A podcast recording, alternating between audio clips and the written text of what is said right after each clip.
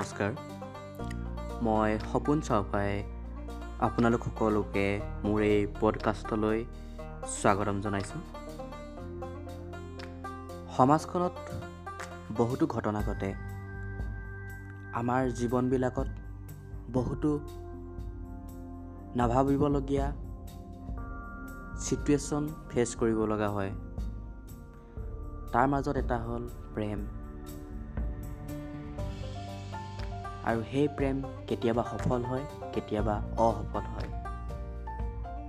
আৰু তেনেধৰণৰে এটা অসফল আধৰুৱা প্ৰেম কাহিনীৰ সৈতে মই আজি আপোনালোকৰ ওচৰলৈ আগবাঢ়ি আহিছোঁ।